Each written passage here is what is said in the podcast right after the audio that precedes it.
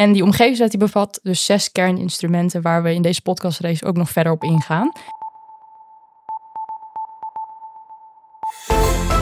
Welkom, leuk dat je luistert naar deze podcastserie met als titel Thuis in de Omgevingswet.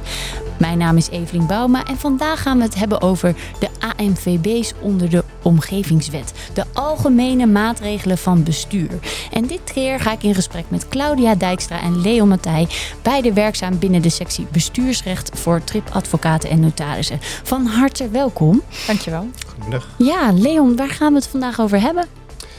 Vandaag gaan we het hebben over het systeem van de omgevingswet en dan met name over de AMVB's onder eh, de omgevingswet. Ik zal daar heel kort teruggrijpen op de totstandskomingsgeschiedenis hiervan.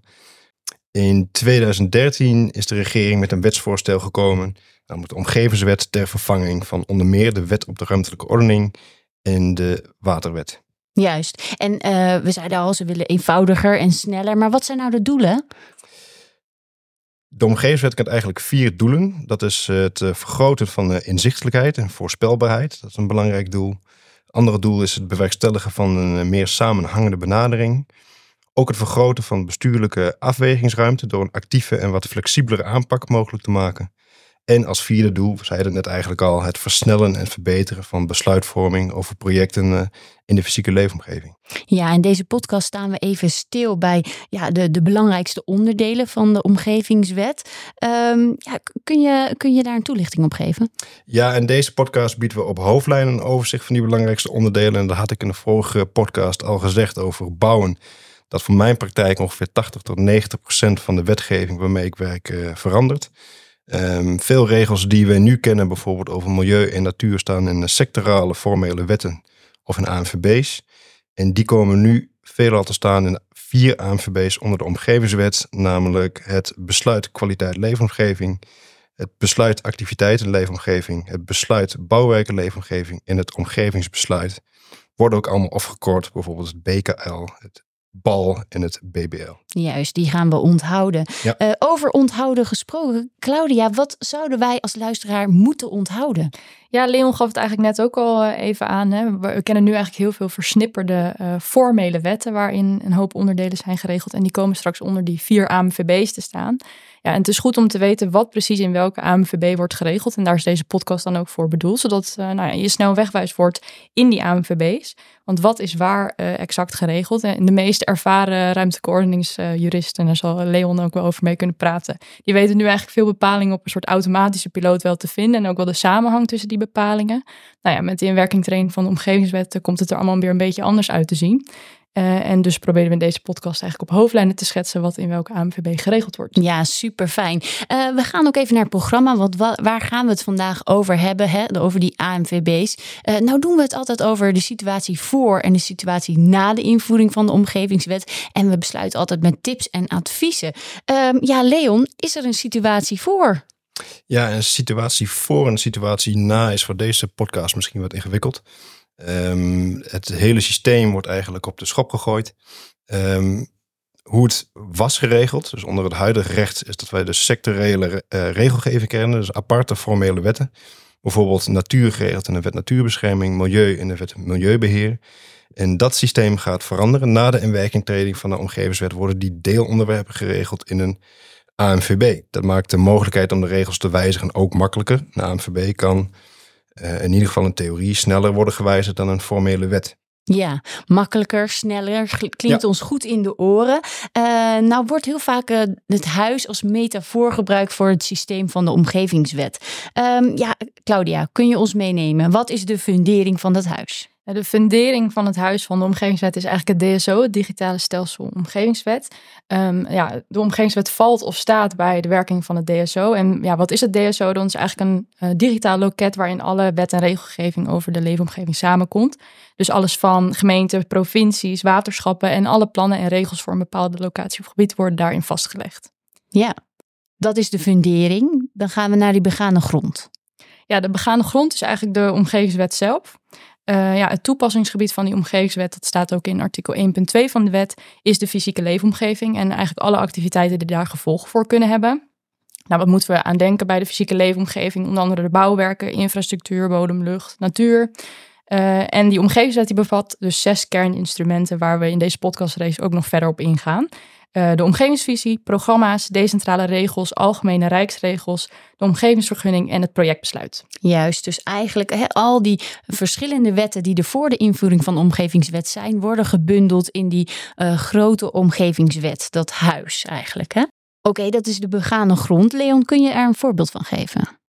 Nou, misschien wel een goed voorbeeld is dat de omgevingswet een soort uh, paraplu vormt. Um, zo is in de omgevingswet een uh, vergunningplicht geregeld. Er zijn verschillende vergunningplichten ingeregeld. In bijvoorbeeld artikel 5.1 van de omgevingswet. Bijvoorbeeld in artikel 5.1 lid 2 van de omgevingswet zijn milieubelastende activiteiten uh, vergunningplichtig gesteld. Maar wel alleen vergunningplichtig als die zijn aangewezen in een van die ANVB's. Namelijk in het BAL. Um, dus om te bepalen of er sprake is van een vergunningplicht, moet je wel de inhoud van die verschillende AMVB's uh, kennen die we straks gaan behandelen. Ja, laten we daar maar meteen naartoe gaan, wat mij betreft. Uh, want uh, dat huis dat heeft een begane grond en daarop staan vier pilaren. En dat noemen wij nu even de AMVB's, de Algemene Maatregelen van Bestuur. Leon, kun je ons bijpraten? Wat is de eerste pilaar? Ja, we beginnen met het omgevingsbesluit. Um, dat omgevingsbesluit bevat algemene en procedurele regels. Uh, die gelden voor, uh, voor iedereen, dus voor de overheid, maar ook voor de burger en ook voor bedrijven. Het gaat onder andere over uh, welk bestuursorgaan het bevoegd gezag is om een vergunning te verlenen. En ook over welke procedures gelden. Maar bijvoorbeeld ook over betrokkenheid van andere bestuursorganen bij besluitvorming. Dat noemden wij voorheen de VVGB. Ehm, daarnaast regelt een omgevingsbesluit een aantal op zichzelf staande onderwerpen, zoals de milieueffectrapportages, de MER uh, en financiële bepalingen. Ja, kun je daar een voorbeeld van geven? Ja, sommige van die bepalingen die vonden we voorheen uh, in de WABO, de Wet Algemene Bepalingen Omgevingsrecht. Uh, de verklaring voor geen bedenkingen uit de WABO en het BOR, het Besluit Omgevingsrecht. dat was dan het advies- en instemmingsrecht. Dat komt straks in het omgevingsbesluit staan.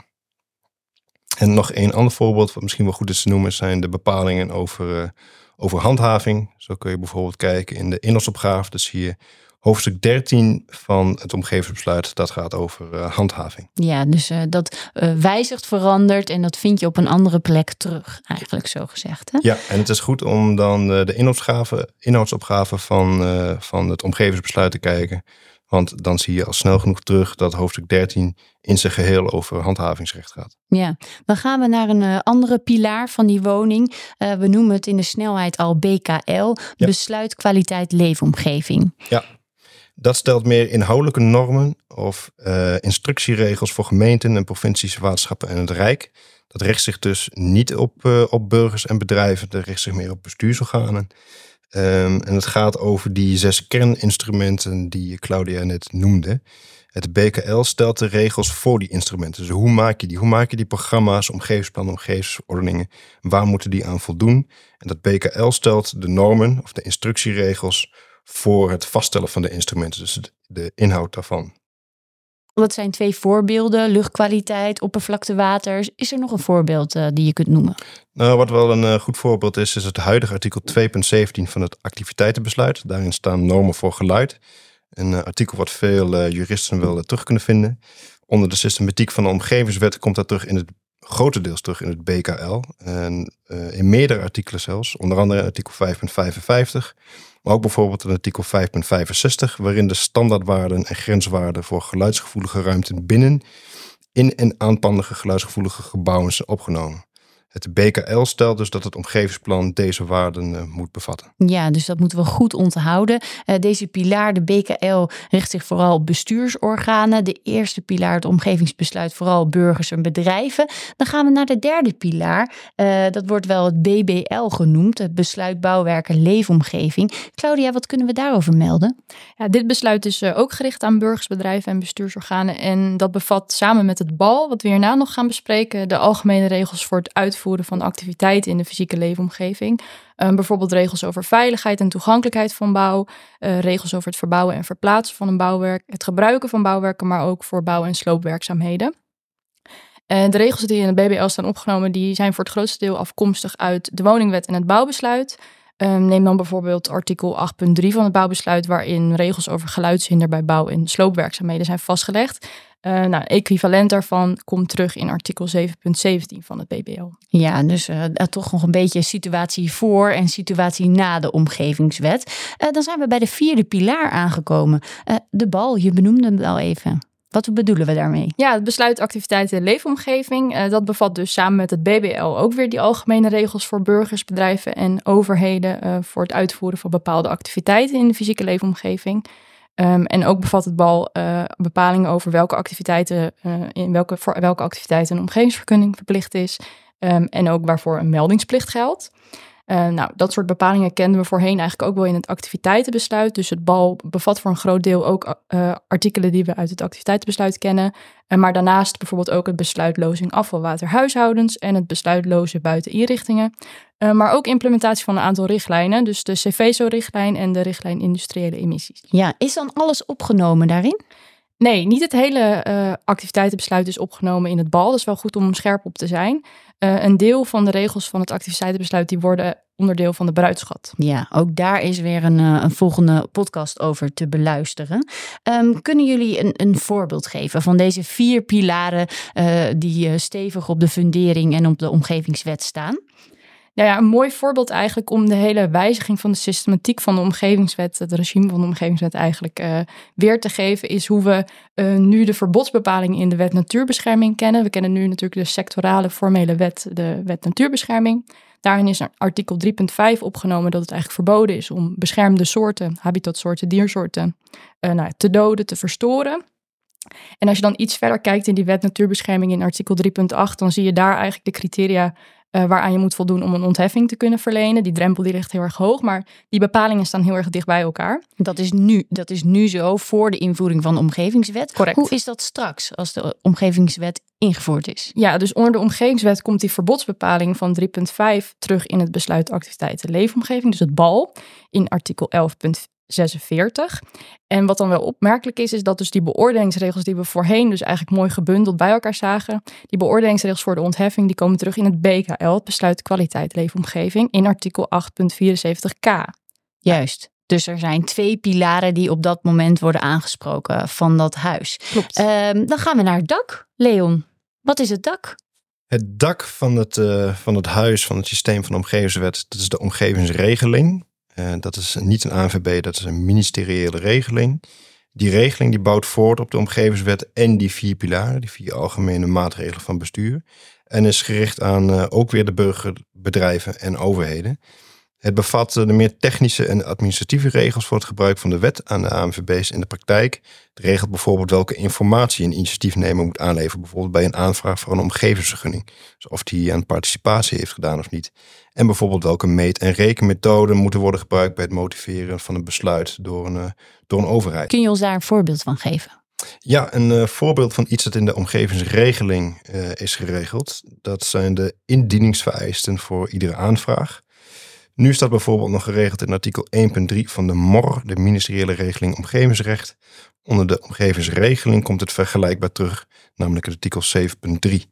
En een laatste interessant punt dat in de omgevingsregeling is geregeld is artikel 7.4, waarin die participatievereisten staan. Juist, dus dat kunnen we even opzoeken om uh, uh, na te lezen. Ja. Um, dan hebben we dat huis uh, staan. Um, ja, gaan we even naar de tips en adviezen. Wat moeten luisteraars, ambtenaren die nu deze podcast beluisteren, weten? Hebben jullie tips? Nou ja, in navolging van het huis is eigenlijk wel goed om, om te zeggen dat het een huis in aanbouw is. Um, dus bij de inwerkingtreding van de omgevingswet hoort ook nog het zogeheten invoeringsspoor. Dat regelt dan de overgang van het oude recht naar het nieuwe recht. En op sommige punten wordt het huis ook nog aangevuld. Uh, bijvoorbeeld met de aanvullingswetten op gebied van natuur, bodem, geluid en grondeigendom. Ja, dus we zijn drukdoende om dat huis een stevige fundering uh, mee te geven. Uh, zijn er nog meer tips en adviezen, Claudia? Ja, Leon heeft het volgens mij ook al eerder in deze podcast even kort benoemd. Maar om de structuur van die AMVB's helder te hebben, is het goed om de inhoudsopgaves van die AMVB's er even bij te pakken en te kijken wat wordt daar eigenlijk precies in geregeld. Dat helpt uh, bij het onder de knie krijgen van deze materie. Ja, heel fijn. Dankjewel. Leon? Nou, wat misschien ook wel een goede tip is, zijn de was-woordtabellen. Die staan op de site van het IPLO, het IPLO. Um, daarin staan bijvoorbeeld de regels van het uh, activiteitenbesluit opgezomd. Um, en daarin kun je in een vrij overzichtelijke tabel terugvinden waar de nieuwe regels staan, bijvoorbeeld in het, uh, in het BKL. Kun je ons daar een voorbeeld van geven? Uh, ja, in het huidige activiteitsbesluit Milieubeheer staan nu normen voor bijvoorbeeld geluid. Um, die komen grotendeels terug in het BKL, zoals we net zeiden. Maar de normen met echt de decibellen, die komen weer in de bruidschat. Dus het overgangsrecht waar Claudia het over had. Die komen in het invoeringsbesluit. Dus in het invoeringsspoor eh, van de omgevingswet. En daar komen we op een eh, latere podcast nog verder op terug. Ja, dankjewel. Dat is heel fijn. Dus wees je bewust dat sommige zaken ook echt net een ander plekje krijgen. Dat je ze net op een andere plek terug kunt vinden. Goed, bedankt voor jullie bijdrage en heel veel succes met de vertaling van de omgevingswet. Jullie bedankt voor het luisteren. Wil je meer weten? Ga dan naar trip.nl/slash omgevingswet en beluister daar ook nog de andere aflevering uit de serie Thuis in de Omgevingswet. Mijn naam is Evelien Bouma en tot de volgende.